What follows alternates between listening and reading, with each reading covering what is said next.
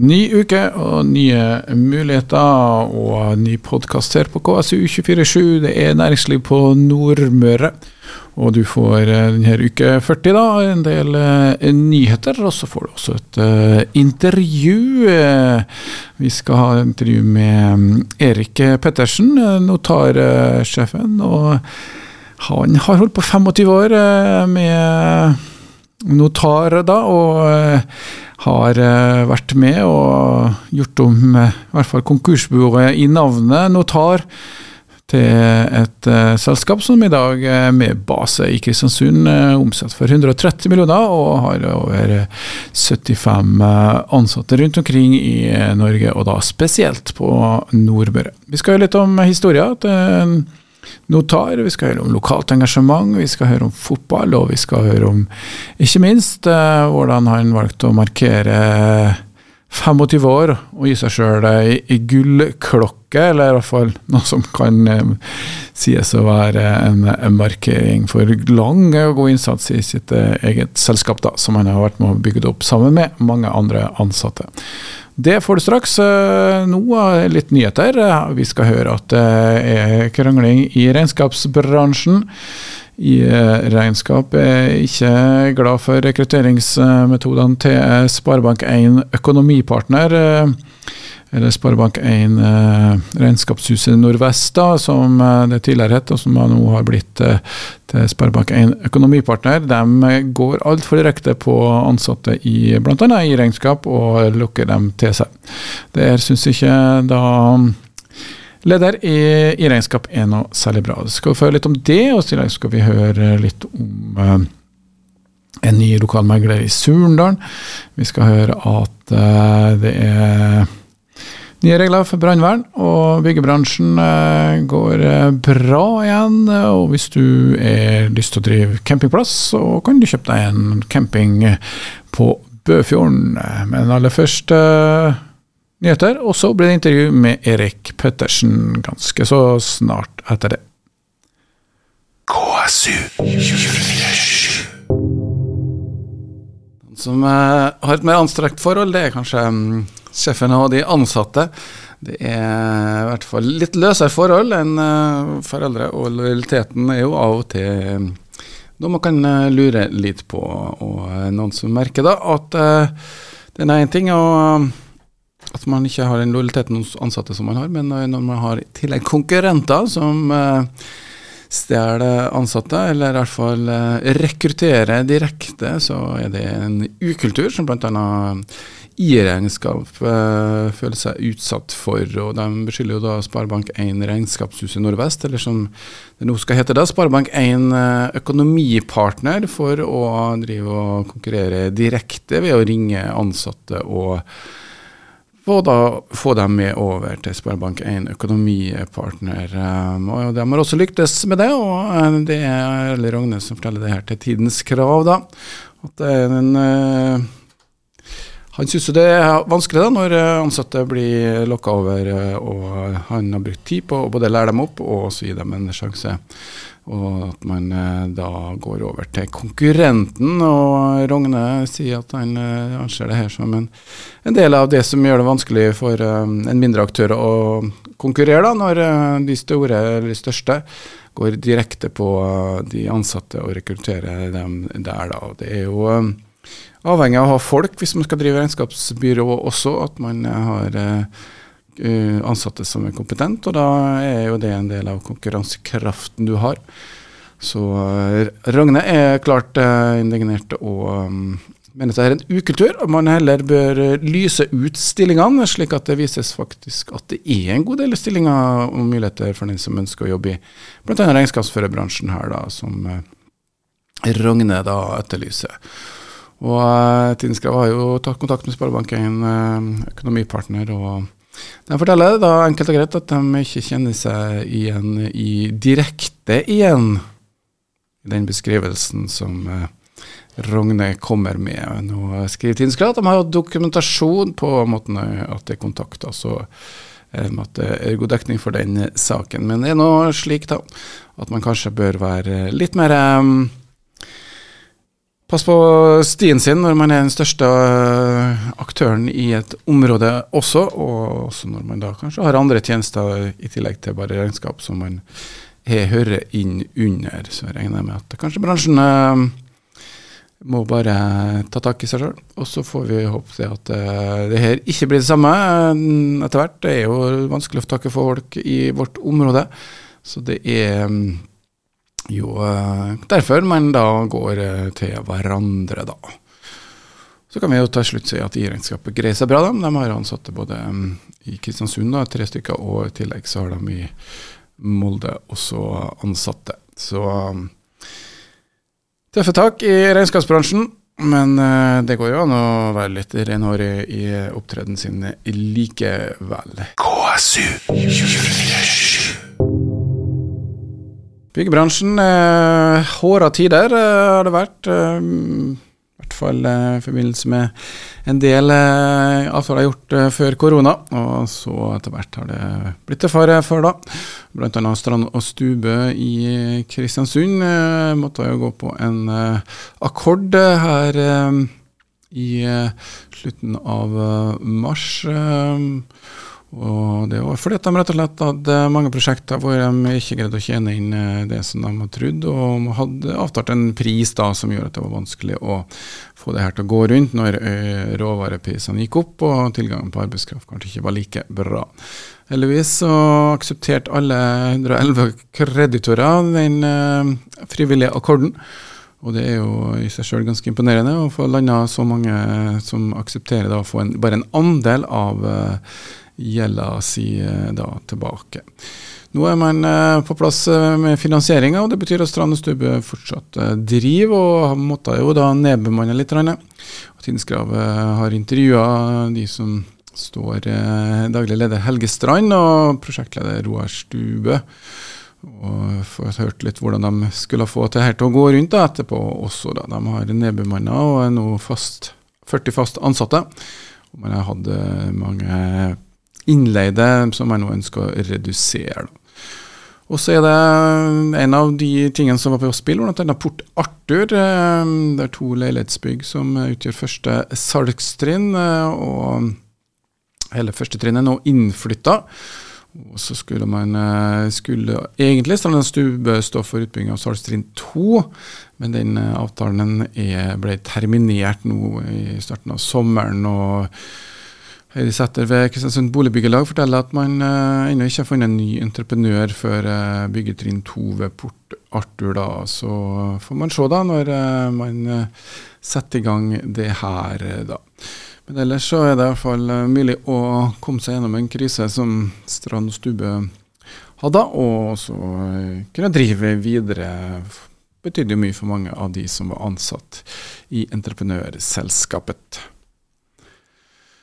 Det er også etablering og satsing i byggebransjen inn på Sunndal. Der har de begynt med noe som kanskje var Elementfabrikken, eh, som da er satt i gang og nå på plass. Det er BV Eiendom og SH Total som eier det her.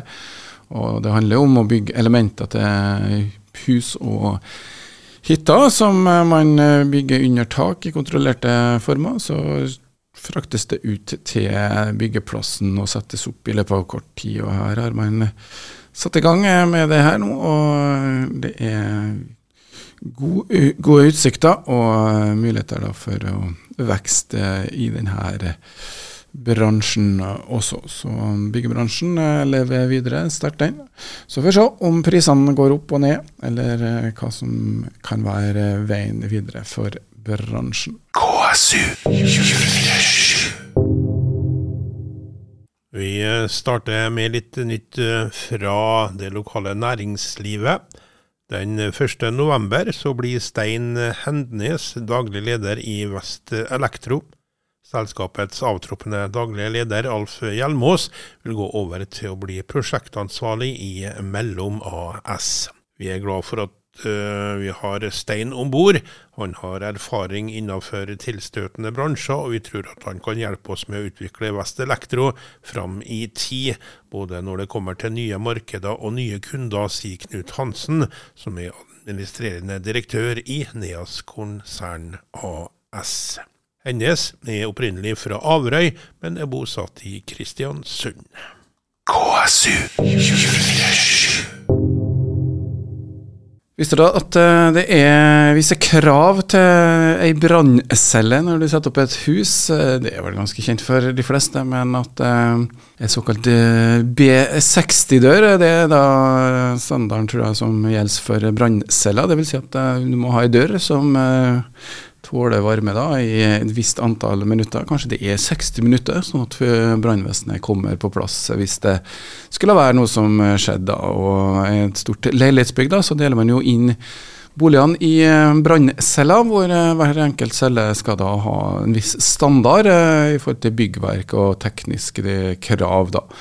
Og nå er det mm, slik at uh, tilsynet i Kristiansund uh, har, uh, ikke bare i Kristiansund, men også andre plasser, har vist at uh, ikke alle bygger etter de standardene som man har meldt inn. da. Og nå blir det også nye rutiner for Kristiansund kommune når det gjelder søknader som innebærer endring eller etablering av bruksenheter i bygninger med mer enn ei branncelle.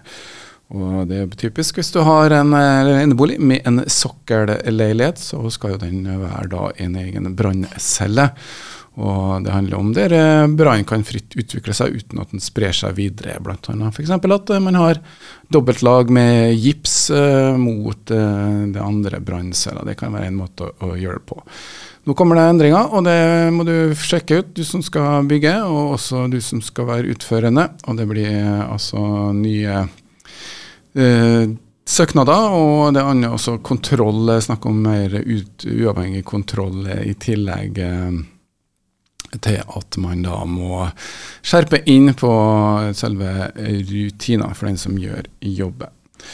Så litt dyrere blir det, men sikrere blir det nok også når man får eh, kontroll på det. Og brann er jo noe vi aller helst eh, ikke vil ha noe av i en bolig. Men skulle først skje, da, så er det jo bra at den som har utført det, har gjort det riktig.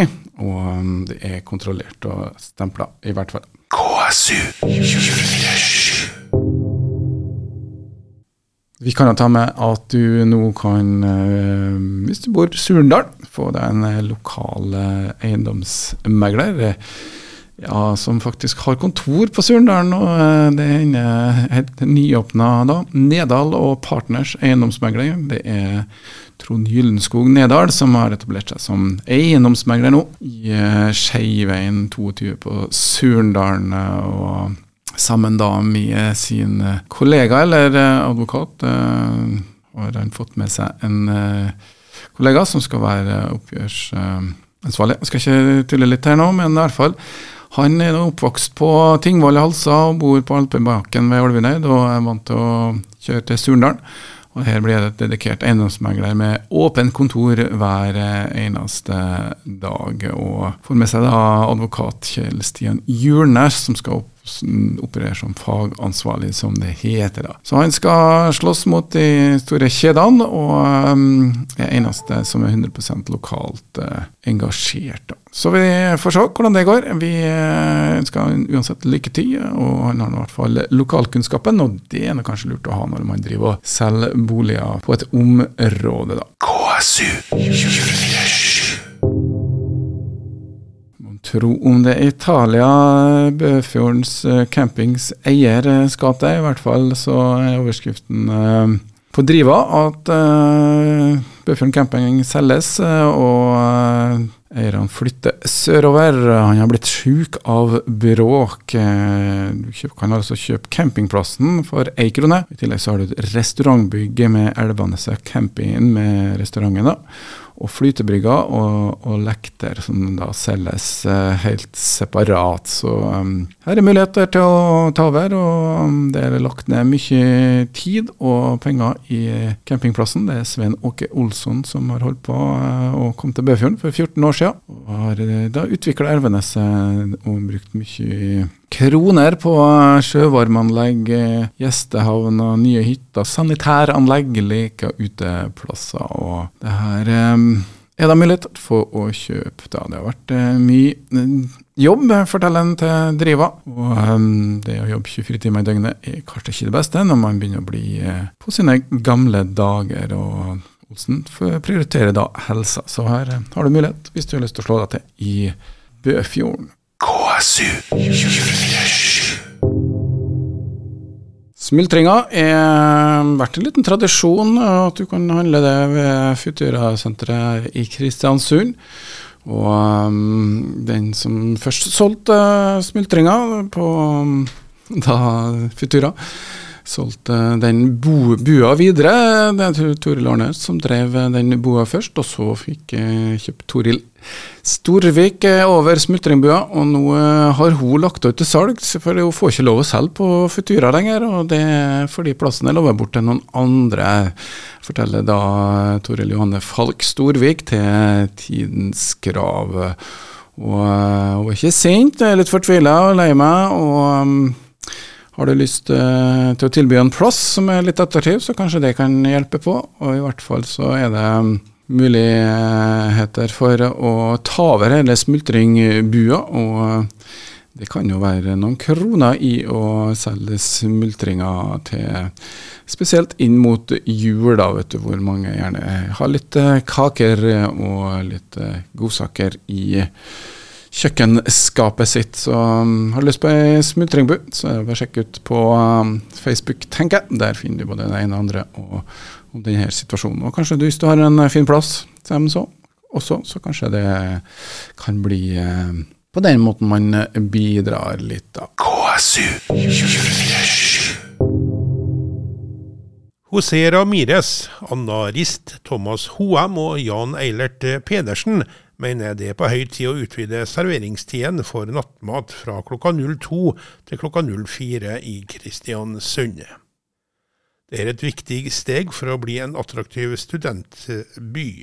Helt grunnleggende handler det her om hvordan man skal profilere Kristiansund for tilflyttere, turister og andre besøkende, forklarer student Anna Rist. Det er overhodet ikke noe pluss at man ikke får kjøpt seg noe mat på byen etter klokka to, pga. ei forskrift som er helt særegen for Kristiansund, mener hun. Siden 2012 har spisested i Nordmørsbyen, med unntak av bensinstasjoner, måtte stenge for matservering klokka to pga. ei forskrift. Nå samarbeider sentrale aktører i utelivsbransjen med KNN og søker om utvida åpningstid for servering av nattmat med to timer, fra klokka 02 til 04.00. Søknaden om å fjerne denne lokale serveringsforskrifta vil bli en politisk sak i Hovedutvalget for næring og omstilling. Det opplyser Ole Jonny Rugseth i KNN til Tidens Krav. Dette er et viktig steg for å bli en attraktiv studentby, sier Anna. Vi har fokus på samarbeid. Alle ønsker å gjøre det her så bra som mulig, sier Thomas Hoem i HM-gruppen. Det melder Tidens Krav. Start uka på KSU247 med mandag morgen klokka sju. Morgenprogrammet om lokal tiltakslyst, engasjement og næringsliv. Presentert av Sparebank1 Nordmøre. Eiendomsbransjen eh, har kanskje vært gjennom en av eh, sine mest spesielle perioder. Ikke bare de siste årene, men de siste 20-30 årene så har jo enhver nordmann eh, kanskje bygd seg opp en liten formue bare på å være boligeier. Og midt oppi det her eiendomsmarkedet og formidling av eiendommer, der sitter notar og bl.a. Erik Pettersen, som har vært i denne bransjen i, ja, i over 25 år nå.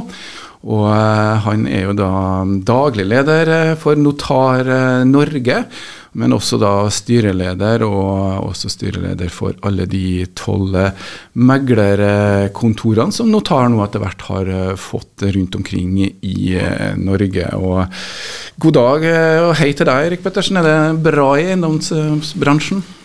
Ja, vi, vi, kan ikke klage. Det har vært eh, Vi har vært gjennom en uh, veldig god periode nå. Med Ja, det begynte jo egentlig etter nedstenginga med pandemien. Så har vi vel egentlig hatt dem fra mai 2021 til i hvert fall 31.12. nå, så har det vært en uh, ja, et sånt eventyr, da, hvis en ser det i hvert fall historisk. Og da er jo klart at det er jo nedstenging og senking av renta generelt eh, et godt økonomibilde for eiendomsbransjen. Men eh, hvordan ligger det an her i Kristiansund? da? Det har jo svingt. eh, Du har jo vært her i Kristiansund i 20 år, kanskje? I hvert fall med notar. Hvordan Ja. er ståa nå, eh, markedet her lokalt? Jeg flytta hjem her i 2009, og da var det Det hadde vært en veldig god periode da. Men så har det egentlig òg vært litt eh, ganske rolig. Vi har jo hatt eh, kanskje den byen med over 20 000 det, det har vært lengst omløpshastighet. Altså masse eh, boliger som har ligget ute til salgs lenge. Ja, og da har vi egentlig hatt to, sånn, eh, to marked i byen. da. Vi har hatt et så velfungerende marked, og så har vi hatt et marked som der boligen kanskje har stått i et halvt år eller et år. da. Og det har jo gjort at uh, gjennomsnittspris, nei, gjennomsnittsomløpshastigheter her i Kristiansund har jo ligget helt opp i 160 dager, 180 dager. Å, og da snakker vi om Et Et halvt år, altså. et halvt år. Det kan vi sammenligne kanskje med en uh, minste kommunen i Finnmark, når det gjelder eh, Så mye har skjedd de siste årene. da, og Men, så hvis det skjer en landsbasis, hva er sammenlignbart? Hva er normalt, eh, hvis man kan si det? Det varierer selvfølgelig i forhold til hvor hett markedet er. Ja, men det er noe, klart Oslo og Øst, Østlandet er jo kanskje unormalt, der det ofte er en plass mellom 20 og 30 dager. Og så er det litt større byer. Sant? Her er det jo eh, mellom 80 og 100 dager. Eh, fem, altså det, det er klart 100, Når det går seks måneder, så er det jo det oppdragsavtalen for å bruke megler varer jo i seks måneder, så er det jo ofte vi har måttet ha signert oppdraget to ganger for å, å selge boligen i periode to her, i- her i byen. Men nå er det annerledes. Ja, nå har det vært eh, veldig bra. Altså, det er jo Ja, jeg vil si flere år. Det har, det har snudd, og det Det er artig å se den hvert fall optimisme. Folk har nå og Det fikk vi kanskje oppleve nå i, mai 2021, sant? at folk investerte mye i Norge. Vi har eh, brukt uh, pussa opp, vi har uh, bygd oss uh, terrasseplattinger, vi har kjøpt båt, vi har kjøpt hytte på fjellet, ny bil. altså Det har vært en enorm investering i Norge da, siden under pandemien. Og så har det jo vært et veldig bra marked her i Kristiansund, da, og det har det vært. Sjokkprisvekst eh, kunne vi lese for ikke lenge tilbake. Du snakker om eneboliger som har hatt en eh, vekst på eh, Hvor mye har det vært? Borti 10 eh, Så Ja. 9,3 Nå ligger jo vi egentlig under radaren på det store norske barometeret som Eiendom Norge bruker. For Ja, for de er måler hele Møre og Romsdal, dem. Møre og Romsdal og gjerne Ålesund, da. Så, så vi ligger jo litt under radaren her. Men det er jo rett det som står i avisa at eh, det året som har vært nå sammenlignet med året i fjor, har det vært en enorm prisoppgang. da, på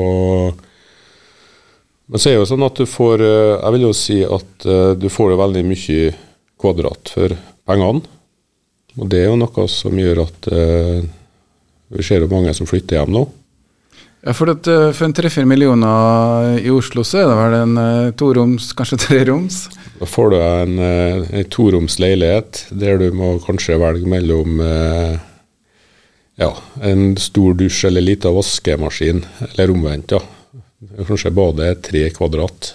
Så, så, og her får du jo også rekkehus. Du kan få en enebolig. Du, og det er ofte mye bedre standard òg, for det så, så du får, du får veldig mye for pengene her i Kristiansund. Og det her har vi nå fått utslag i. Det handler jo også om at eh, boligrenta har vært lav de siste par årene, historisk sådan. Ja, lav boligrente, og så ja, ser du noe Jeg vil jo si at det som skjer nå her i byen med masse store investeringer. Sant? Det er jo kanskje Før jeg flytta hit, så var sant, Atlanterhavstunnelen, det vært badeland. Og nå, nå skal det jo etableres et, en campus, og det skal etableres et kulturhus. Og, og, og det er jo i snitt eh, 70 millioner i måneden som skal investeres de neste to årene for å, for å få ferdigstilt de prosjektene. Og det er jo Det er jo før de store, tunge investeringene som kommunene gjør nå med alt fra sykehjem, skoler, brannstasjon, det er ny idrettsbane eller Ja, så, så det er jo det er unikt å se på 20 år tilbake, det, den investeringa som gjøres i byen nå. Og det er jo med å sette fart i næringslivet og optimismen i byen. Det tror jeg. Og det medfører jo arbeidsplasser, det er, sant, det er lav arbeidsledighet, det er god likviditet. Og vi bruker, sant, Når det er forholdsvis rimelig å bo her, så bruker vi, bor vi oss ikke i hjel.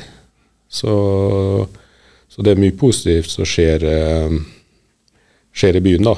Det, det, vil jeg si, på, for næringslivet.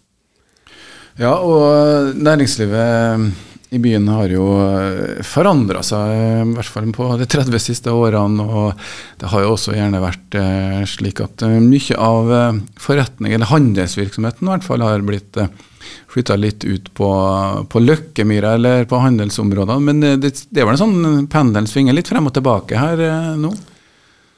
Ja, det, det, det gjør det nok, da. Men jeg tenker nå Det har vært en oljeby. Vi har jo på en måte, Hvis vi drar det litt tilbake, sånn, så har vi først laga tønner, så laget, bygde vi båter, og så har vi hatt klippfisk. Og så har vi vært en oljeby, og nå, nå kjører en bortover kaia. Nå så ser vi Vi er ikke en fiskeby, men veldig mye Det er jo ei strategisk god havn som ligger her, som gjør at det er veldig stor virksomhet knytta til fiskeriet. Og havbruksnæringa generelt har jo Det er mye brønnbåter som ligger innimellom ja. slagene her. Så har vi nå hatt litt eh, Ja, vi har nå hatt ei oljekrise som vi hadde i Stavanger. sant? Uh, nå slår nå på en måte det motsatt vei. Nå er det krig, og oljeprisen er rekordhøy. Og nå er det gode marginer der nå enn det var i, i 2016. Ja, da var det stopp eh, veldig mye, og nå er plutselig fossilt eh, brennstoff igjen eh, aktuelt. Energisituasjonen gjør jo at det blir spesielt. Men det her er også med på å da påvirke f.eks. inflasjon og, og, sånne ting. Også. Det er jo eh, veldig lav arbeidsledighet. Vi kan snakke litt mer om det etter hvert. Men i forhold til sånn sentrum, byen og boligmarkedet, er det kjempebra. mens næringseiendommer i sentrum er kanskje ikke vært eh, voldsom eh, prisvekst på eh, vil jo nesten si at det, det, det, er en skammelig billig når du kan få 3000 kvadratmeter midt i kaibakken eh, for 5000 per kvadrat ca. Ja. Eh, når det har vært eh, var en ganske brennhete brennhet artikkel her eh, forrige uke i lokalavisa. Det så jeg var et stort engasjement rundt. Og det, det, er klart det er næringsgårdene her. altså Leieinntektene styrer jo prisen på, på næringsgårdene. Og det, det, er klart det er Det er ikke mange gårder som har lys i alle etasjene og har uh, god standard som gjør at uh, det er høye leieinntekter i hver etasje. Og det, det er jo på en måte det som styrer prisen på en næringsgård. Det har nesten vært lettere å sette opp et, eh, et, et eh, en lagerhall på Løkkemyra og få leid ut den eh, til et, en kjede, enn å få leid ut noe i, i sentrum av Kristiansund. Og, og, det er jo det som havnefogden, da herr Knut Mostad, som gikk ut i tidskrav og sa at tomteprisene er altfor lave i Kristiansund. Og deriblant så fant han ut at det er meglerne sin skyld. Hva svarer du til noe sånt? Nei, det er, det er nok et bomskudd. da. Det er, ikke, det er jo så kjøper og selger, og så dør nå en etterspørsel. og det Men de legger prisene for lavt, sin? Eh, ja, det, det, stemmer heller ikke. For vi, vi ønsker jo, selgeren ønsker jo å få solgt boligen. Og det ønsker jo megleren òg. Og det er jo kjøpekrafta. Og det er klart det å gå ned i banken og regne seg hjem på en bygård som skal pusses opp og lage fasilitetene som skal gjøre for å trekke til seg uh, leieinntekter, det, det, er jo det er ikke så lett. da. Og det, Det er flere ting. Det, byen må kanskje gjøres enda mer attraktiv hvis en skal uh, jobbe i sentrum. Det skjer jo f.eks. eksempel gjort mange bra gårder som er pussa opp her. Det har vært en del investeringer og litt oppussing. Blant annet så har jo dere også kjøpt dere en eh, bygård, altså Notar. eh, Er det notarselskapet? Ja, den, eh, det er gamle Solheimgården som eh, snart går over og heter Notargården. Den, eh, det har vi brukt eh, Ja, vi har den snart pussa opp et år nå. Og den lå ute et par år før eh, dere bestemte dere for kjøp? Den lå i to år til salgs. Uh, men så ser jeg jo altså Det er jo dyrt. Altså du har uh, ventilasjon, det er etterisolering, det er vindu, det er alle krav som stilles for å ha uh, gode arbeidsforhold. Arbeidstilsyn, og det er, det er ekstreme krav. og det, det, det er, Nå er vi jo så heldige at vi har aktivitet i hele huset. Det er jo da, Men det er kanskje fordi at de sjøl har stor aktivitet, at de får uh, Ja, brukt gården? Uh, det er det. Og så Jeg var bortom gamle bingolokalene og kikka. I gamle Gullabygget. Der har gjort en fantastisk jobb med topp øh, fasiliteter. Jonas Eriksen. Altså det er mange gårder her som nå er jo også gamle da Omega-senteret skal jo totalrenoveres nå. Der skal jo ja, øh, selskap inn. Og det, det er klart øh, FG Eiendom holder på å pusse opp nede på Scandic, eller øh, det, ja, gamle Tidens Grav. og Der er jo Men det er klart det er store investeringer som eh, må gjøres da for å tilfredsstille øh, leietagere i 2022. Det er jo et etterslep eh, med dårlig sentrumsutvikling, rett og slett. Men 20-30 år med Vi må jo si det har vært en nedadgående spiral i forhold til både aktivitet, handelssentrum, den biten der. eh. Kanskje det snur nå? Ja, Vi får håpe det. Vi, vi kan ikke be smulabondene komme hver helg og ordne liv til oss. Det, det er jo ganske dødt litt i sentrum av gågata og Kaibakken. Det foregår jo på senteret. og Netthandelen sier har overtatt, og det er jo ofte senterbutikkene. Og så er det jo mange som har gode lokale nisjebutikker da, som er veldig attraktive. Eh, Det har nå i fall vi gata oss, så vi skal flytte inn i nå. Ja, men hvem er det som skal inn i notargården? Er det en notar? De er jo ikke De har blitt eh, Det vokser ganske bra notar også. Det, hvor mange ansatte har det blitt nå? Eh, Hele organisasjonen er vel spredt spredd rundt i landet, men her i Kristiansund er vel her hovedfunksjonene er. Her eh, I Notar Kristiansund så er vi sju stykker, eh, men i Notar Norge så er vi 76. Så det er klart vi er en liten andel eh, eh, av eh, store firmaer som ligger her. da. Det er og så har vi en administrasjon her, og så har vi et oppgjørsselskap. da, Så vi er faktisk tre selskap knytta til eh, notar her i byen. da. Og så tar de sjansen på å flytte sentrum. eh, Hva gjør det med f.eks. parkering for ansatte og sånne ting? Det er jo ikke flust med parkeringsplasser utenfor Solheimbygget. Nei, det er fire, fire plasser, og så må vi ut og leie. da, på, og Det, det, er noe, det er en pris, det òg. Det er jo noe som egentlig skjer det egentlig veldig godt. Eh, Det er jo mer folk som parkerer i øvre bydel fra åtte til fire, enn er fra fire til åtte om morgenen, når eh, folk som bor der, kommer hjem. Det Beboerparkeringa er lav, som det heter da. Ja, og, og det er jo mange her som da jobber inne i sentrum, og så er de avhengig av å ha bil med seg for å hente eh, barnehage, handel, skole, komme fra litt utafra. og det så jeg, jeg tror jo det med parkeringsforholdene eh, er veldig viktig. Og, Da er parkeringskjelleren, eh, skulle si parkeringstunnelen, eh, det må jo være en drøm for dere som får bygårder i Ja. sentrum. Jeg har nå bodd i Ålesund i mange år, og der har de holdt på i sprengt ut hele Aksla-tunnelen. Der er nå laga til veldig gode parkeringsforhold. som Molde har hatt i mange år. og det, det er noe om det skal bli store arrangement på kulturhus, eller eh, vi skal få enda flere folk til å jobbe inne i sentrum, eller å bo i sentrum, så må det være gode parkeringsforhold. Bilen er en del av eh, livet her på Nordmøre fortsatt. Altså flytting, eh, bygård. Men eh, hva er det som jeg lurer av og til litt på i forhold til det utspillet med at, at prisene er satt for lavt? Det er jo som regel tilbud og etterspørsel som bestemmer prisen. Men for noen som eier mye eiendommer, så er det jo ikke hyggelig at skjer på en måte verdien synker da, i balansen, som det heter. Nei, det, det er ikke. Og det, det er klart at um, jeg Det å kjøpe næringseiendom eh, det blir så plante et sånn, kall et eplefrø.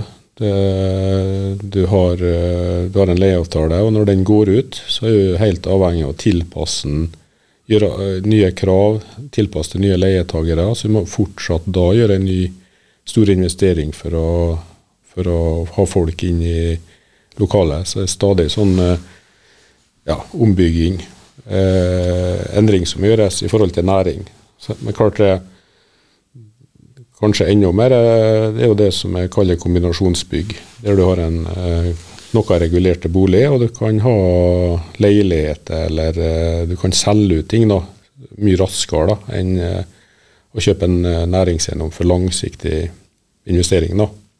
For Det er ikke bare å gjøre om næringsareal til boligareal heller. Det er krav om parkeringsplasser, ny standard, tekniske krav. det er mm.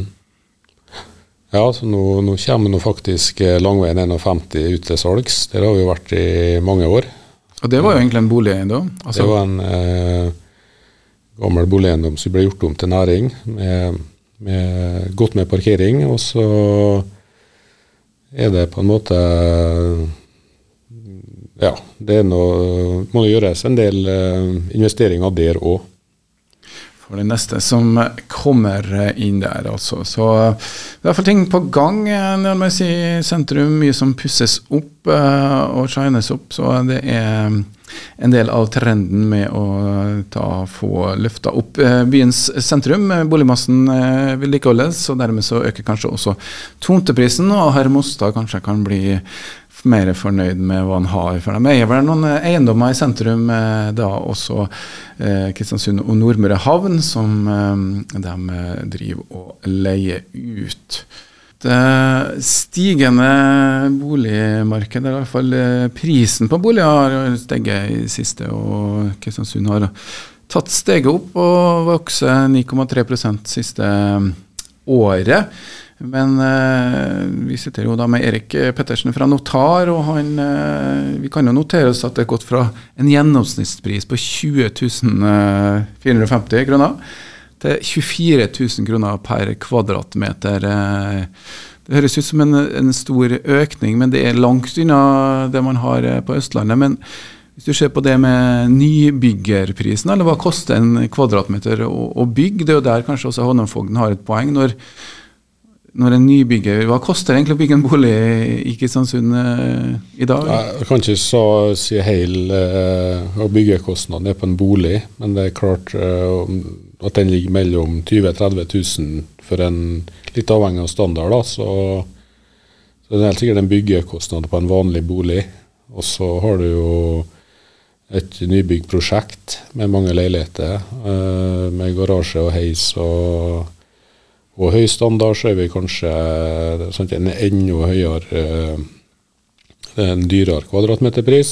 Eh, og det er jo klart eh, det som er store forskjellen da, fra Nordmøre, eller kan du si Kristiansund, det er jo at det er en mye lavere tomtekostnader ja, for det er det man legger på da, som du sier byggekostnad 2030, men det er jo da uten at man har Tomtekostnaden. Tomtekostnaden. Og den kan fort uh, løpe litt. og Hvis du skal kjøpe noe gammelt i, i sentrum eller sentralt så må du jo kjøpe det for en pris, rive det og mm. sette opp noe nytt. Uh, vi har jo hatt eh, en del oljeprosjekter langs havna i Kristiansund som har oppnådd ganske gode priser, men det, det tok sin tid for å få i gang Port Arthur f.eks.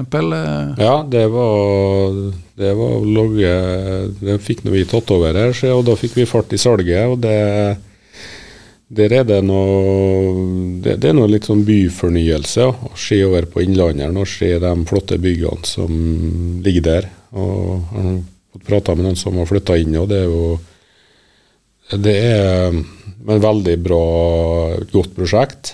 Og, men det er klart det er jo, det er jo et høy, høy prisklasse i Kristiansund, uten tvil. Men det er jo folk vil ha kvalitet, og det si neste generasjonene som kommer opp nå, dem, om det ja, Hva er prisen man har oppnådd på Port Arthur? Nei, Det er vel opp mellom 60-70 i hvert fall oppe i flere av leilighetene. Jeg var ikke helt oppdatert der, men uh, vi er nok oppi der. Og det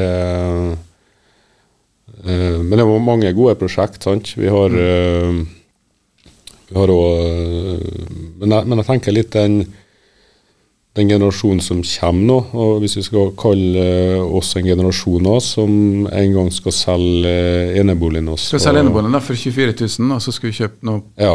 60 000-70 000, for å si helt enkelt. da. Ja, så blir det jo ikke ei stor leilighet, for du har jo, det er jo en stor prisforskjell da, på ja, Du må jo nesten ha en tredjedel av arealet du hadde i eneboligen ja. for at du skal gå opp det her. da.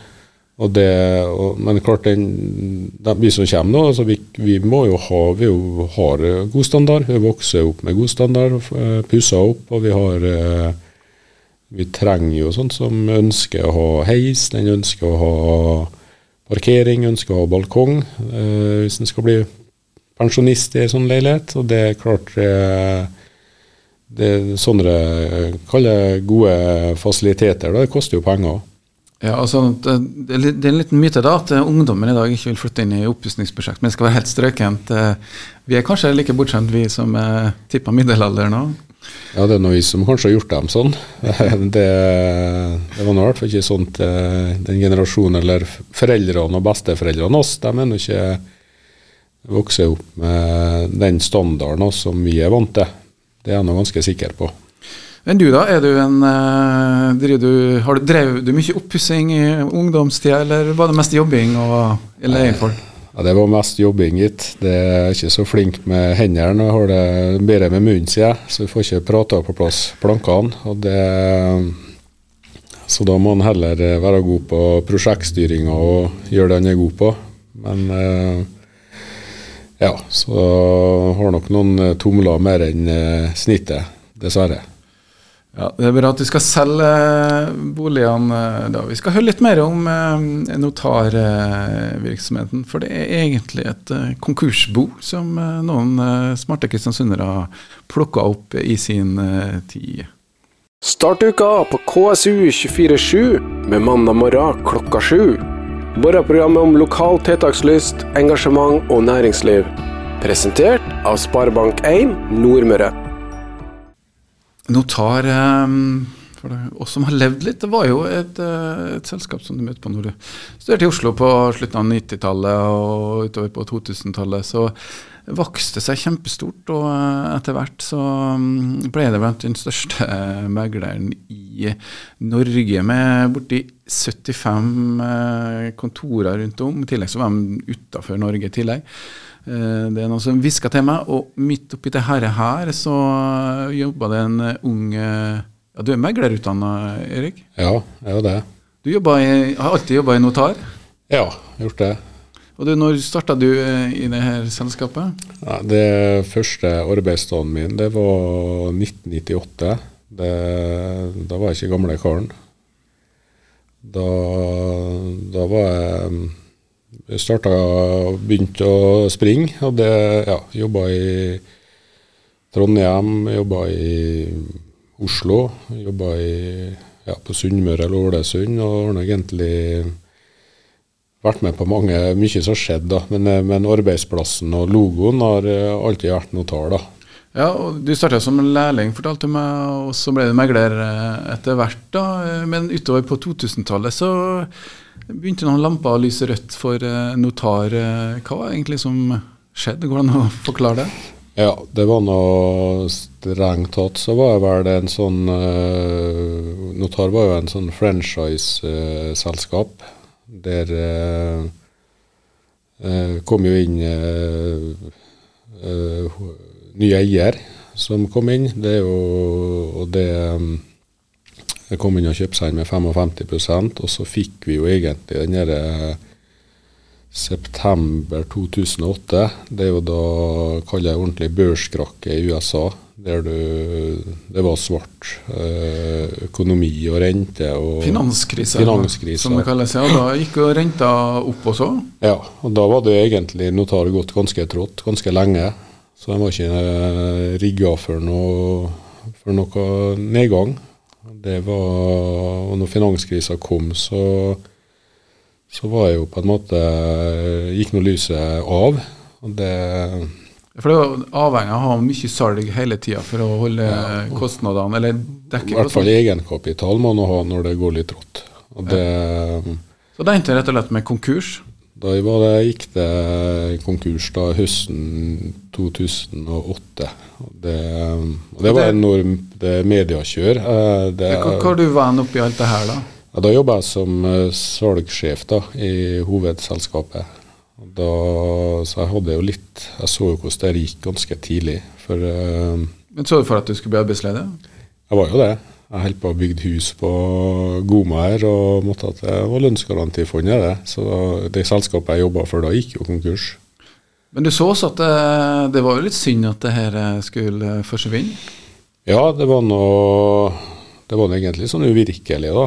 For uh, jeg tenker liksom på mediekjøret. Det var jo De var jo ganske aggressiv markedsføring, og, og var ikke kanskje best likt av eh, kollegaer og Ja, for det hadde jeg allerede da den der salgsgarantien. ja, salgsgarantien. er ingen, fra- ingen penger til megleren før det ble solgt. Den kom på 80-tallet, og om ta meg historie til, for eh, vi var jo faktisk den gangen førsten som gikk ut og laga egen avis. Og når eh, det var streik, eh, så fikk vi ikke ut annonsene oss, og da bestemte notar for å lage egen boligavis. Så det vil jo si at vi trakk ut alle annonsekronene som vi brukte eksterne aviser, for å bruke dem sjøl. Og Det var heller ikke så populært da, til kalle avisbransjen, da, som eh, Vi satte på en måte en standard, og flere kom etter. Ja, for det ble jo slik i dag nå at man bruker rett og slett ikke papirannonser i samme grad da, som man gjorde, for det var et stort marked, som du sier.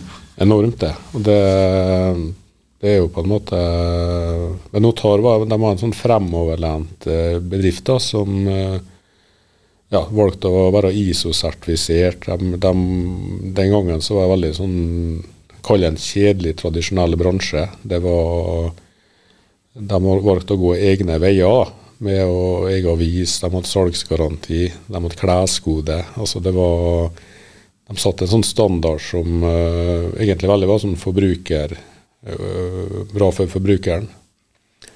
Så det, var, så det er veldig mye bra som, som i hvert fall vi jobber her, har uh, mange kollegaer som jobber etter konkurrenter. og det de hadde jo, eh, alle hatt god læring. da. Det var, det var en harde veien å selge hus på. Det, det er jo provisjonsbasert. og og det var, det var en veldig artig tid som eh, Og, og varemerket, det var jo Jeg satt jo og regna på det. Det var jo brukt uh, i snitt da, med avis- og TV-reklame uh, ca. 100 millioner i året hvert de ti siste årene før 2008.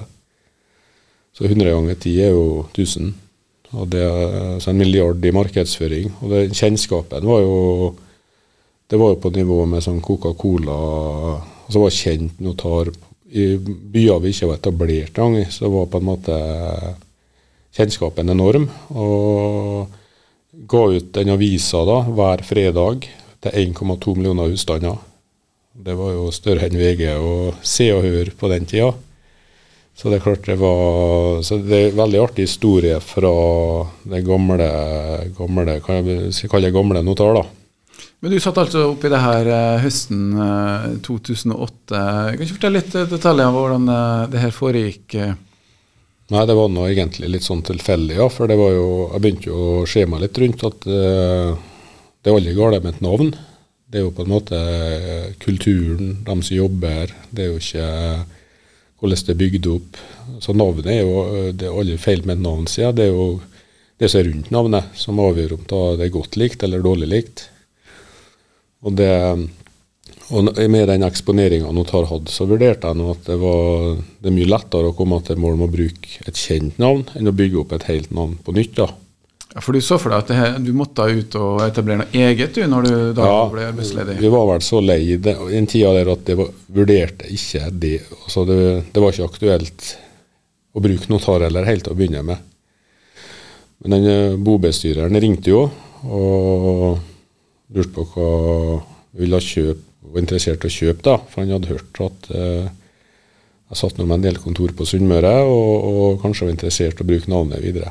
Ja, for du fikk noen kontor, er det du sier, eller kjøpte Nei, jeg hadde jeg eide jo eller jeg drev tre kontorer da. På, tre notarkontor På Sunnmøre.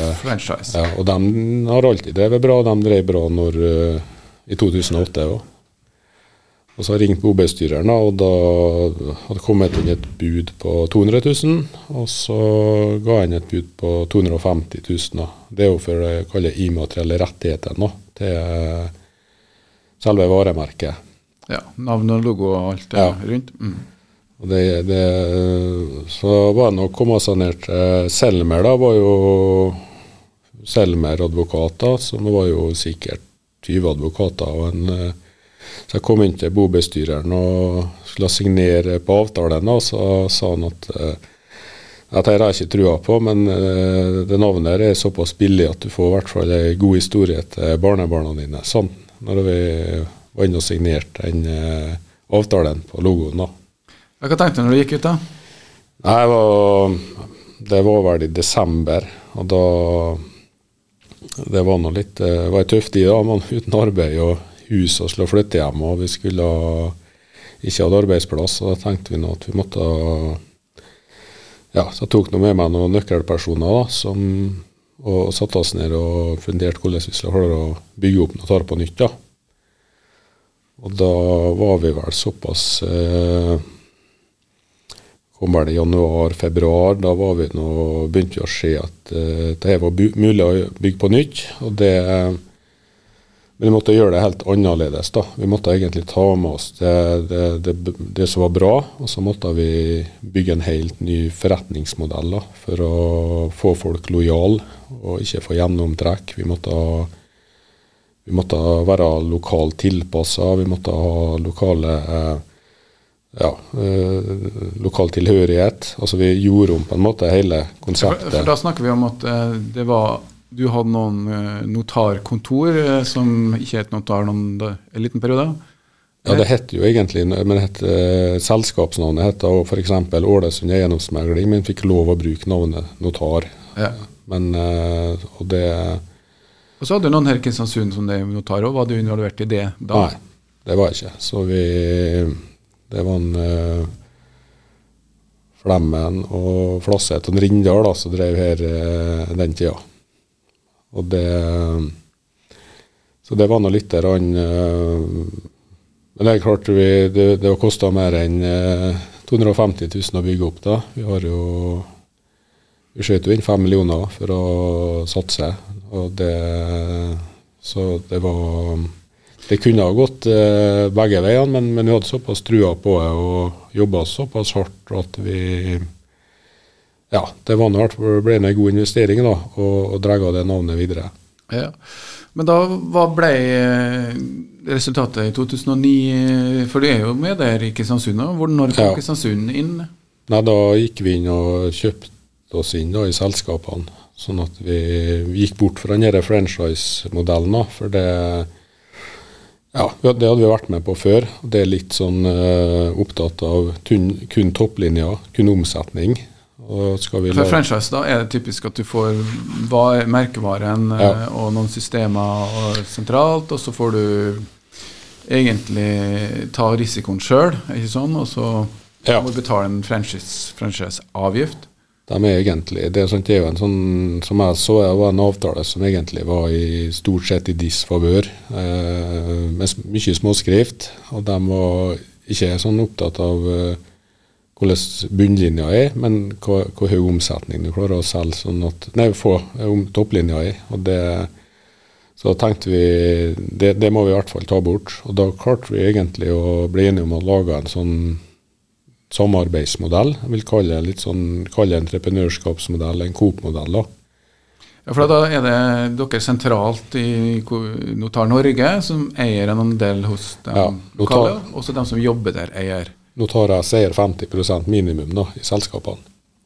Og så har vi knytta til oss eh, lokale nøkkelpersoner også, som er med og eier en, sin del andel av 50 Og da har vi heller ikke noe påslag eller noe franchise eller noe avgifter da, som gjør at uh, Men de har jo sånn stordriftsfordeler ved at de har sentralisert Ja, ja, ja. funksjoner. ja, Men da betaler det hvert firma eller hvert selskap sin betaler det det koster, og ikke noe mer enn det. det så det har nå vært um, det, er jo egentlig altså Det er jo tre typer altså Du har jo noen lokale meglerkontor, men så har du jo veldig mange konkurrenter. altså Det er jo banken. altså det er jo, Vi slåss jo mot uh, Norges største bank. Ja, for de bankene liker å ha eiendomsmeglere. Ja, de, de liker jo å ha kontroll på alt, fra regnskapsbyrå til driftskontoen din, mastercard ditt, lån, forsikring, og så skal de ha til å selge huset sitt gjennom dem òg, Ja, og tilby et lite lån. i tillegg. Ja. Og, det, og vi er opptatt av å kun selge bolig, for det, det er forskrifta at Finanstilsynet sier jo at det ikke er lov. Og kobling, da. Det, det skal være Det er ulovlig med kobling. Men det Så vi har banken da, som er en konkurrent, og så har vi jo mange franchise-kontorer da, som, som er våre konkurrenter. Ja. Men altså, du har greid jo å få liksom det her til å surre og gå rundt, og sånn som jeg skjønte, så eier også de som er mm, lokalselskapet, eller megleren, eier også sentralt. Eh, Ja, vi har uh, utvida nå til Notar S, da, som eies av uh, Kaller dem lokale eh, nøkkelpersonene, partnerne, da, er med og eier toppselskapet. Sånn at vi har en Så alle vil det samme. Og, og det er kanskje det, det som kjennetegner Notar sånn i forhold til veldig mange andre i bransjen, at det, det er lojalitet. da. Ja, for Det er derfor de gjør det her. Det er jo ikke for å for Gjennomtrekk i bransjen eh, var, det veldig vanlig.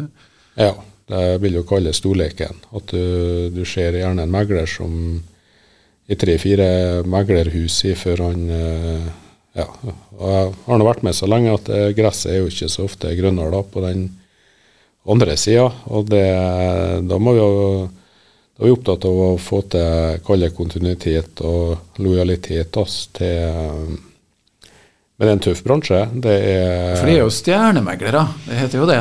Står jo det. Stjernemegler ditt og datt. Og det er vel en i Notar nå også som selger ganske mange boliger i løpet av et år. Eh, Selve eiendomsmegling, det handler om å få omsetninga Ja, det, det, det, jeg vil jo kalle det et lite sånn hamsterhjul, der du egentlig bare må springe fortere og fortere. For det, det er nye krav. det er da er vi inne i det med alt med hvitvasking. Eh, så det å selge et hus i 2022 er jo mye vanskeligere, eller tar lengre tid, enn det var for to-tre år siden.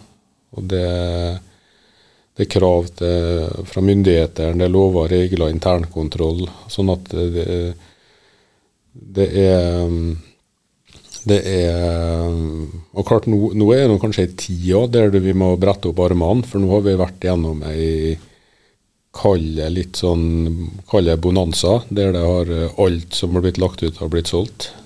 Så, så nå må vi jo Arbeid for penger. Ja, virkelig arbeid, og det er jo ugunstige arbeidstider. sant? Eh, Vi har telefoner fredagsvenn klokka 11, og du har neste telefon lørdagsmorgen. Og visninger i helgen. Ja, hvis det kommer Hvem var det som fant på det? Var det notar, det òg, kanskje? Nei, vi hadde faktisk åpningstider eh, åtte til åtte eh, mandag til fredag, og vi hadde kontortid lørdag og søndag ti til seks. Sånn at eh, det var kontor, altså åpningstiden på kontorene. Så det Men nå er ikke likedan. Nå er det visningene det handler om. Og, men det har jo endra seg gjennom covid-tida med at de fikk mer sånn eh, påmeldingsvisning eller privatvisninger.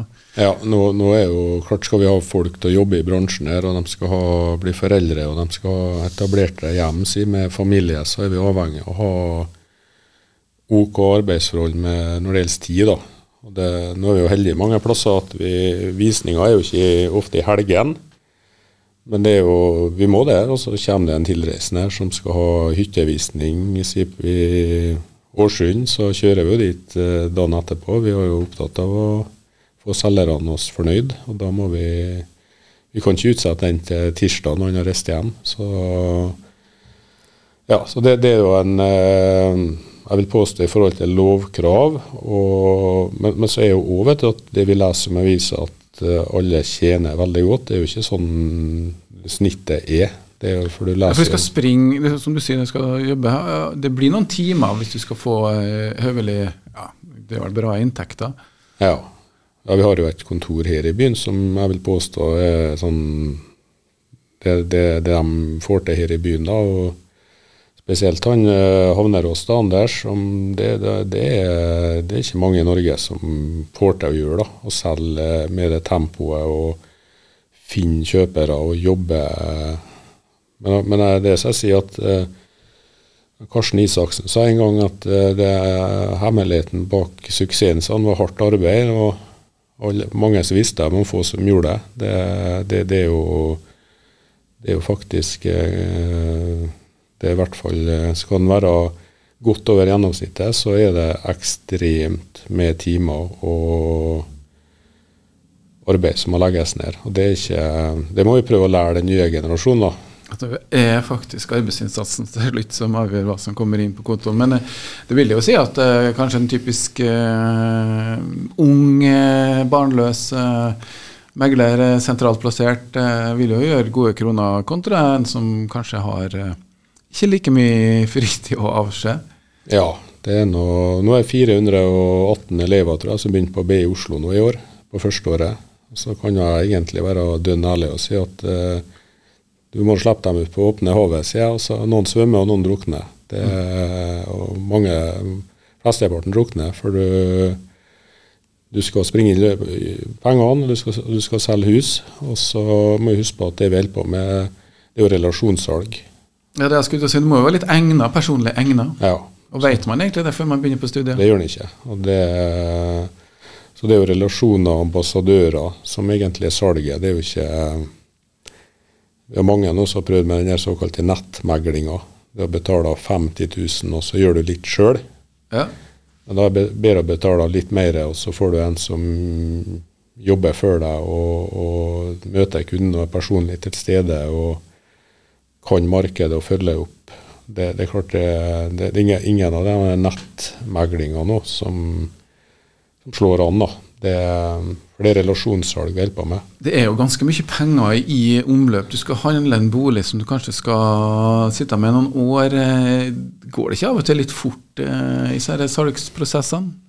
Ja, Det hender, hender jo, men jeg sier sånn enkelt at eh, skal vi være i bransjen her, så er det ikke noe snarveier. For da, da, da, da, er vi på en måte ute. Men altså, jeg tenker på sånn, dem som kjøper, sant? man blir gjerne revet litt med Ja. og kjøper og byr over seg. og Det er mye penger, men likevel så Det er ikke alle som undersøker rørene under kjøkkenbenken. Nei, Nå kom det en ny lov. Det, det har jo vært med og satt en litt sånn eh, egentlig litt spennende. For den, eh, den nye loven har jo påvirka kjøpers undersøkelsesplikt. Og Det medførte jo at alle boliger i Norge skulle ha tilstandsrapport. Altså Om du ikke sjøl sjekka, eller deg som kjøper ikke undersøker, så har i hvert fall selger en plikt til å undersøke og fortelle? Er det sånn? Ja, kjøperen har en mye sterk, altså større undersøkelsesplikt nå enn han hadde i fjor. Ja, ja, riktig. Og Det gjorde jo f.eks. at uh, en av årsakene nå i år det er jo at uh, takstmennene måtte snu seg om. Så F.eks. i Oslo nå så har du bare hatt en takst på tre-fire sider, uavhengig om boligen koster 3 millioner eller eh, 300 millioner eller eh, 50. Altså det, nå skulle alle boligene der ut og ha tilstandsrapporter. Så nå Første kvartal så var det et sånn enormt etterslep da, på å få annonsert boliger pga. at det var ikke takstmenner til å gjennomføre den tilstandsrapporten. Ja, For da blir det jo selvfølgelig en dyrere takst, men det tar mye lengre tid. Lengre tid. Og, og da har du på en måte Det er litt sånn artig å se, men da har du Når det er mindre boliger til salgs, så kommer ut i markedet, så blir det jo høyere priser. Så det har kanskje vært med å påvirke litt eh, Den nye loven har gjort at uh, for bruktmarkedet i Norge har jo egentlig Altså det er jo stabilt. For det som svinger, er jo gjerne nybygg, prosjekt, uh, hytter på fjellet. altså det, det, går litt sånn, det er konjunkturer. Og så har du brukte boliger i Norge. Det, det er jo kaller veldig stabilt. Men når det er lite brukte boliger til salgs, som det har vært nå, så har du det med høy, høyere boligpriser. Og det er jo gjerne da boligprisene på Østlandet som setter renta og påvirker utlån, forskrift øh, og boligrenta i Norge. Det er ikke det er jo ikke på en måte utkanten som setter standarden for det. Det er ikke her vi driver opp prisene eh, i Kristiansund. Det, vi, skal ta, vi skal høre litt, vi kan, vi kan, godt snakke litt om makrobildet, som det heter. Altså, eller mikro også. Eh, vi, vi lever spesielt i. Men jeg, har lyst til å høre litt mer om notar. Det har jo vært et eventyr. Hvordan kan man si Du, du ikke spytta inn fem millioner av det som Hva er det verdsatt til nå? Finnes det noen tall? Nei, det, det, er vanskelig. Det har jeg ikke eh, tenkt på. Det, det, det, er to ting, sier jeg. Det, det er det som er viktig for oss, det er å gå på jobb. Det, det, det er trivsel. Og så må vi være artig. For det er ingen som går på en arbeidsplass til oss der du lever av eh, provisjon og resultater uten å trives og smile og glede kollegaene dine og glede til å gå på jobb. Og hvis du gjør det, så kommer resultatene. Ja, hva viser resultatene? For fjoråret, da? 21 er vel levert inn? Ja, de, de, er ganske bra. Det er jo et ekstremt bra år. og vi har Hva omsatt de for? 136 eh, millioner i omsetning. Da er det Norge-selskapet. Ja. Og overskuddet? Av 19, 19 millioner. Og det kanskje blir historisk? Kan jo bli for en liten periode. For det, det blir noe Jeg tror nå har hvert fall mange bransjer nå som tror nå den store festen nå er nok over. Det, vi må nå, skal vi nå se litt utafor her nå, så er jo Ja, det er nå renta går nå opp. Man forventer enda litt høyere rente. Det er um, drivstoff. Det er Men Før vi tar den biten der. Eh, veien nå fra de fem millionene, altså den i 2009 hvor de satte i gang det her Eh, de har jo vokst sakte, eller gått litt sprang her? Vi har hatt, Hva har strategien vært? Vi har foreløpig sant? Vi har ikke drevet med, noe oppkjøp. eller noe, Det har vært stein for stein. Og så har vi frem til nå hatt en sånn kontinuerlig vekst da, med ansatte og vekst i omsetning og antall boligsalg. Men det er du som da sitter i, i ledelsen på Norge-selskapet, som er en del av dem som er ute og kikker etter mulighetene utenfor eh, Ja, og så har vi jo folk som, noen flere som banker på døra til oss som har lyst til å starte et kontor, men vi må jo være 100 sikre på at de kan eh, representere våre verdier og, og, legge ned den innsatsen som kreves for å For det, det er jo ikke noe lett arbeid, eller det er ikke noe lettjente penger. for det de fleste i bransjen har ikke eh, overskudd. Det er det man leser om. Det, men det som sagt kommer jo av uh, andre parametere enn uh, Dere er tilbake i Oslo igjen, og de har fått flere kontorer. Vi, vi snakka om tre på Ålesund og inn i Kristiansund. men hvor hvor mange kontorer var det blitt nå? Ja, I Møre og Romsdal så er vi jo store. Vi er, vi er jo nest største megleren her. Det er jo uten samarbeid med banken. Så det er ikke så mange som Uten å blitt kjøpt opp av banken? Eller ha noen bankforbindelser. Altså Vi har jo kan si noe uformelle samarbeid, men vi har ikke noen som kommer med, ja, med forsikring, lån og Men tolv kontorer? Ja, vi har Stavanger har vi to kontorer. Vi har oppe i Fauske, vi har i Østfold, vi har i Drammen. Vi har uh, to kontorer i Oslo. Og så er vi nå på å kikke på noen nyetableringer nå. Og, men det er jo litt sånn Vi er ikke så opptatt av, uh, av uh, å bli altfor stor. Vi, vi er lykkelig som liten. For det, Hva skjer etter når de etablerer et nytt kontor? da? Er det en nøkkelperson? Ja, Vi må ha to nøkkelpersoner som, som vi kan definere som partnere. Og så er det, er det jo da et marked. Men det er klart om det er i Ulsteinvik eller om det er i Haugesund eller eh, Det, det er ikke det begrensningene ligger. Det, det må være noe omsetninger. Men har vi dyktige folk med på laget, så lykkes vi hvor som helst ja, og når som helst. For, eh, for det er jo folket som avgjør, da. Fortsatt vekst, som du sier. Nye kontorer. Det er jo sånn når du bygger opp en virksomhet eh, i, i Norge, og kanskje også eiendomsbransjen, jeg vet ikke. eh, Det er jo et oppkjøp av noen som eh, tar over den virksomheten, som gjør at man plutselig får masse penger på konto.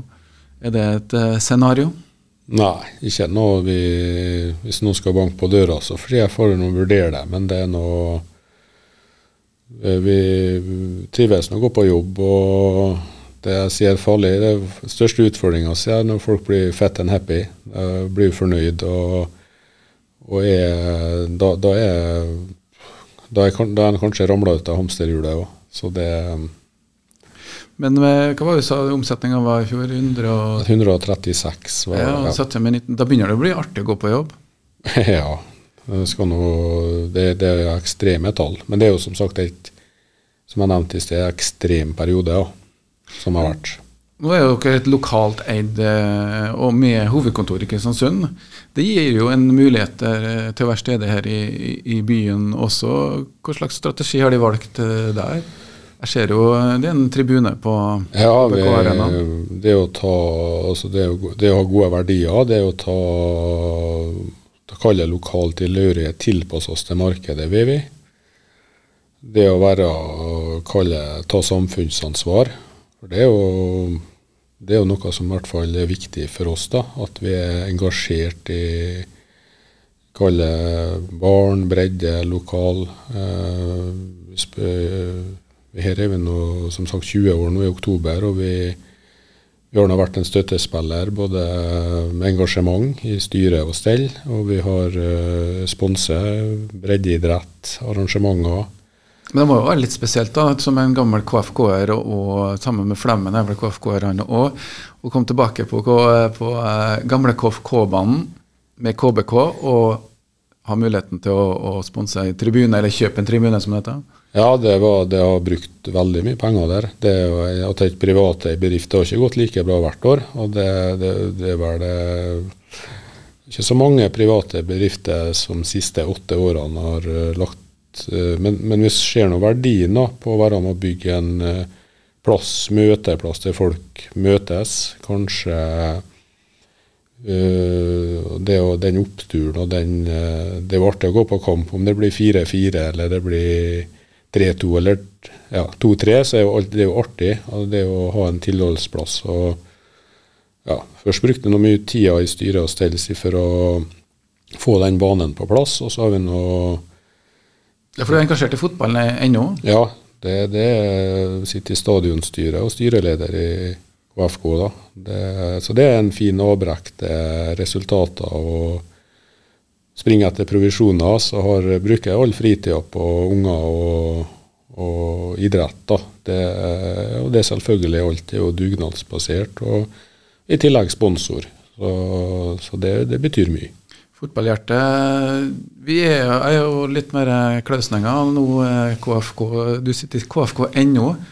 Hva med Kristiansund ballklubb, eller hva blir Jeg har ikke kommet på navnet ennå, men vi, vi nok, eh, det kommer nok til å skje noe ganske drastisk eller stort innenfor uh, de to klubbene. Det er jeg nå ganske overbevist på. At uh, vi må forene kreftene. Og, og, For det er færre ungdom som, unge som spiller fotball? Ja, det er noe mindre nedslagsfelt. Det er ca. 100 barn nå som går ut fra barneskolen her i, på Kirkelandet. Og det, vi kan ikke krangle om eh, lag og hva vi skal gjøre. Vi må prøve å skape det beste tilbudet for dem. Og vi er samkjørt begge klubbene på at vi ønsker å ta dette et steg videre. Ja. Det, for det, det er jo to det er 215 års historie her nå med Ja, det er Rivalisering, vi må si sterk det. rivalisering. Det har ikke jeg opplevd, men jeg ser jo det. At det har vært enorm rivalisering. da, og det men nå er jo alle eh, det samarbeidet som vi hadde nå, det ønsker vi å ta et steg videre nå.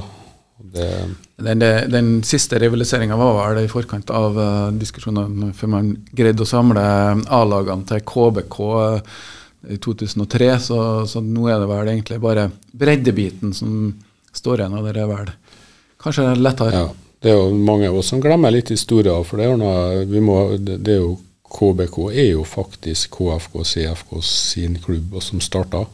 Så, så, opphavet, selv om det er en klubb for Nordmøre nå, så er jo faktisk det opphavet kommer jo fra de to klubbene.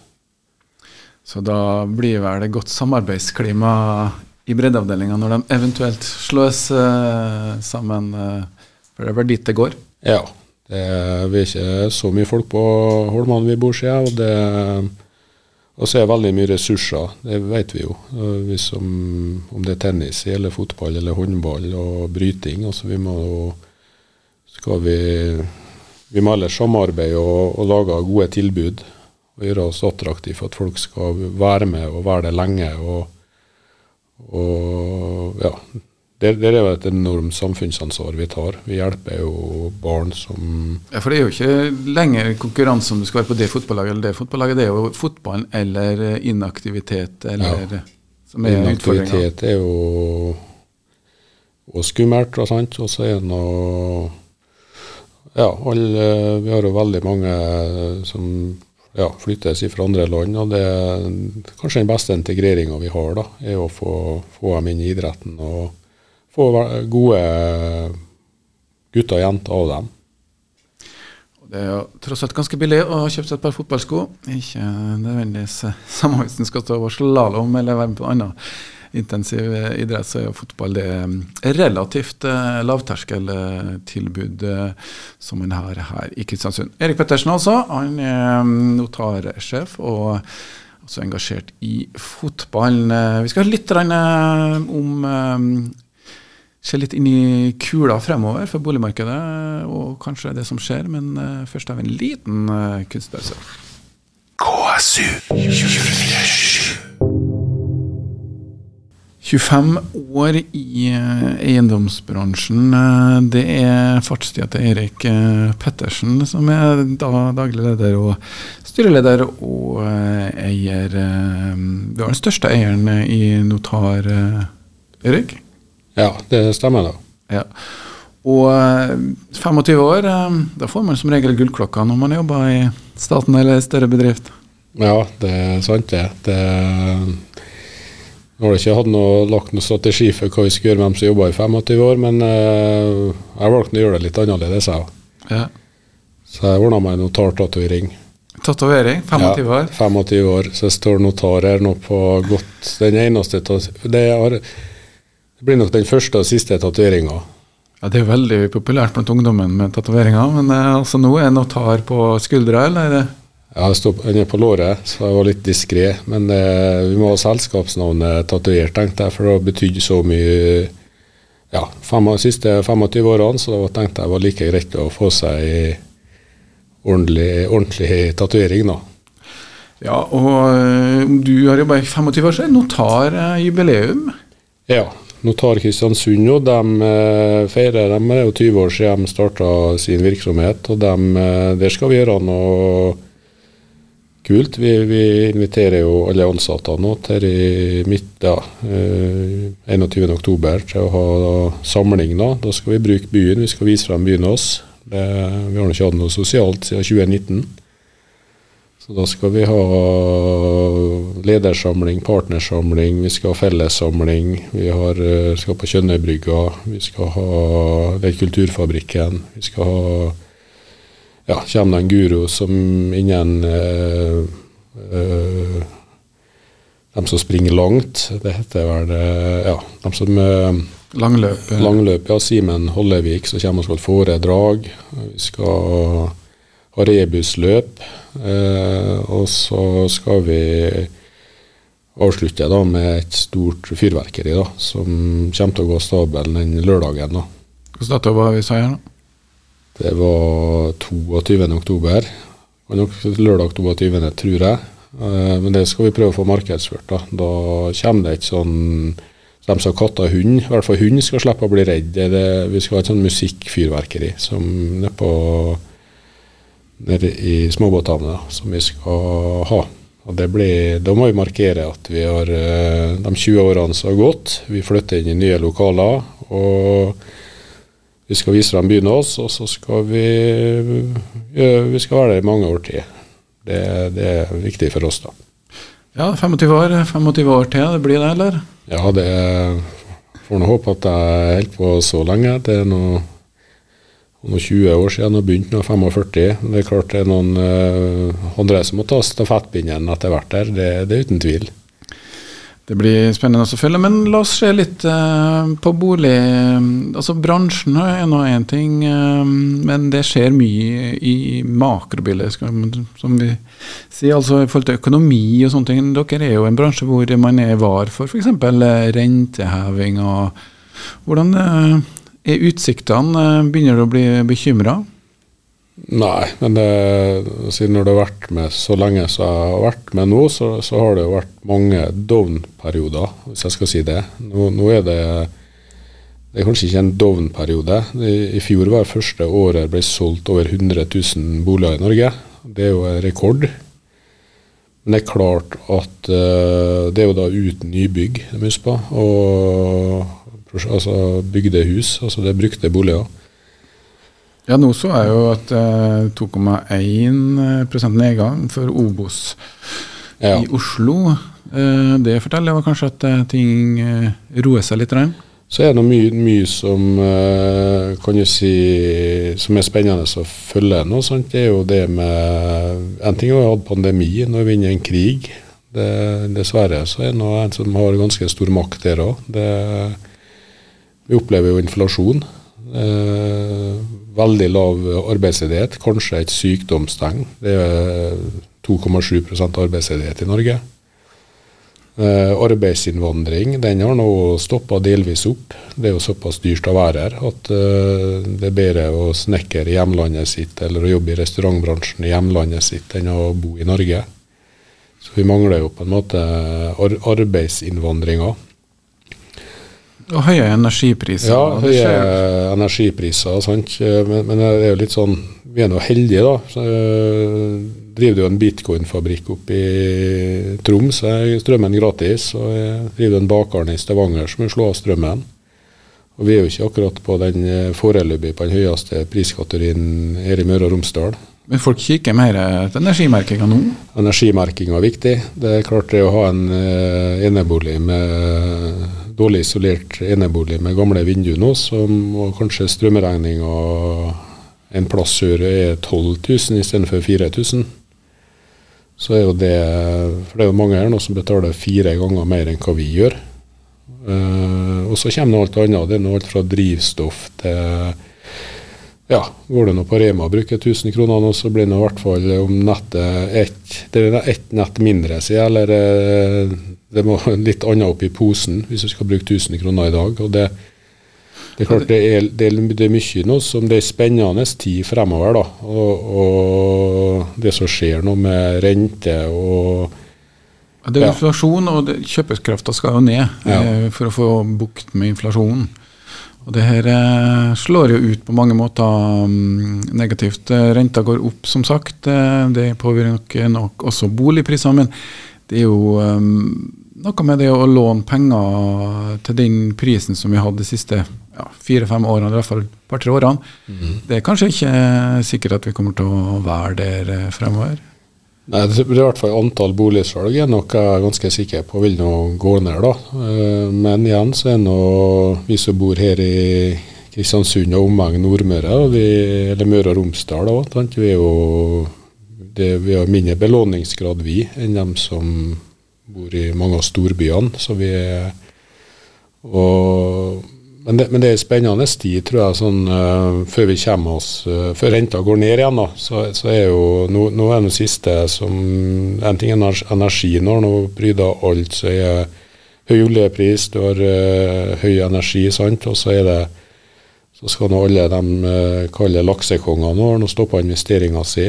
Så det jo, kan jo fort bli noen ringvirkninger på langs kysten. At vi får eh, stopp i investeringer på, etter den eh, nye skattetaksen de får. da. Ja, Så har du fått forslag fra Finanstilsynet om å stramme inn da boliglånsforskriften. 15 eh, egenkapitalkrav har det vært ei stund. Det, det, var ikke sånn tidlig 2000-tallet når jeg kjøpte, husker jeg. Nei, det, da var nå gjerne kommunen har noen startlånordninger, men, men nå er jo banken De har nå sine eh, egenkapitalkrav etter finanskrisa. og Nå har vi jo egentlig også fått et sånn klasseskille. da, At de barn som har ressurssterke foreldre som kan stille som medlåntaker og kausjonist, de kommer jo seg inn i markedet. Mens de som ikke har den muligheten, må leie. Og det er nok kanskje sagt noe sånn indirekte fra Det er ikke alle som skal eie bolig i Norge, ser det ut som fremover, med de kravene bankene har, da. Ja, I Norge har vi jo over eh, borti 80% som eier egen bolig, som er jo også helt spesielt eh, internasjonalt. Mm. Så der kan hende at det blir endringer. Det du Ja, nå var den siste melding på at de skal stramme inn enda ytterligere, da. Ja.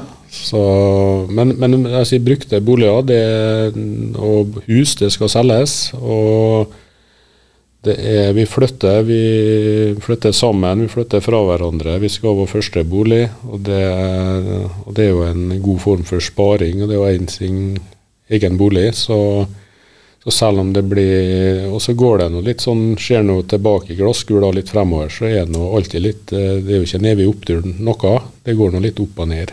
Det, så jeg er ikke bekymra hvis den skjer langt frem i glasskula, men at, at, det blir litt tøffere for uh, folk flest og alle sammen. Uh, noen måneder, det må vi nå bare tror jeg vi Det må jeg forberede på. Men notar tar det holdt på å forsvant ut av historien i 2008. Hvordan er det med notar? Det skal ikke ut av historien? Det Nei, vi er godt rigga. Så har vi nå et veldig godt slagord. da, sånn, Det er litt sånn, det er ikke kunden fornøyd, sier jeg, så er gratis. Det, det legger noe litt press på dem som jobber til oss. at uh, Er kunden fornøyd, så, så, så, betaler de for tjenesten. og Hvis ikke, så kan en trekke seg fra oppdraget og bo der han bor. Seg, eller ja, Det er noe no cure, no pay. og Det, det er et godt slagord nå som i litt usikre tider.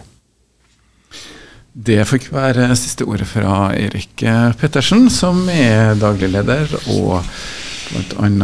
også styreleder, og en av de største eierne i Notar Norge, som vi har fått en prat med. Og vi takker jo for at du tok deg tida, Erik, og så får du ha lykke til med jubileum og gullklokketatoveringa. ja. Start uka på KSU247 med mandag morgen klokka sju. Morgenprogrammet om lokal tiltakslyst, engasjement og næringsliv. Presentert av Sparebank1 Nordmøre.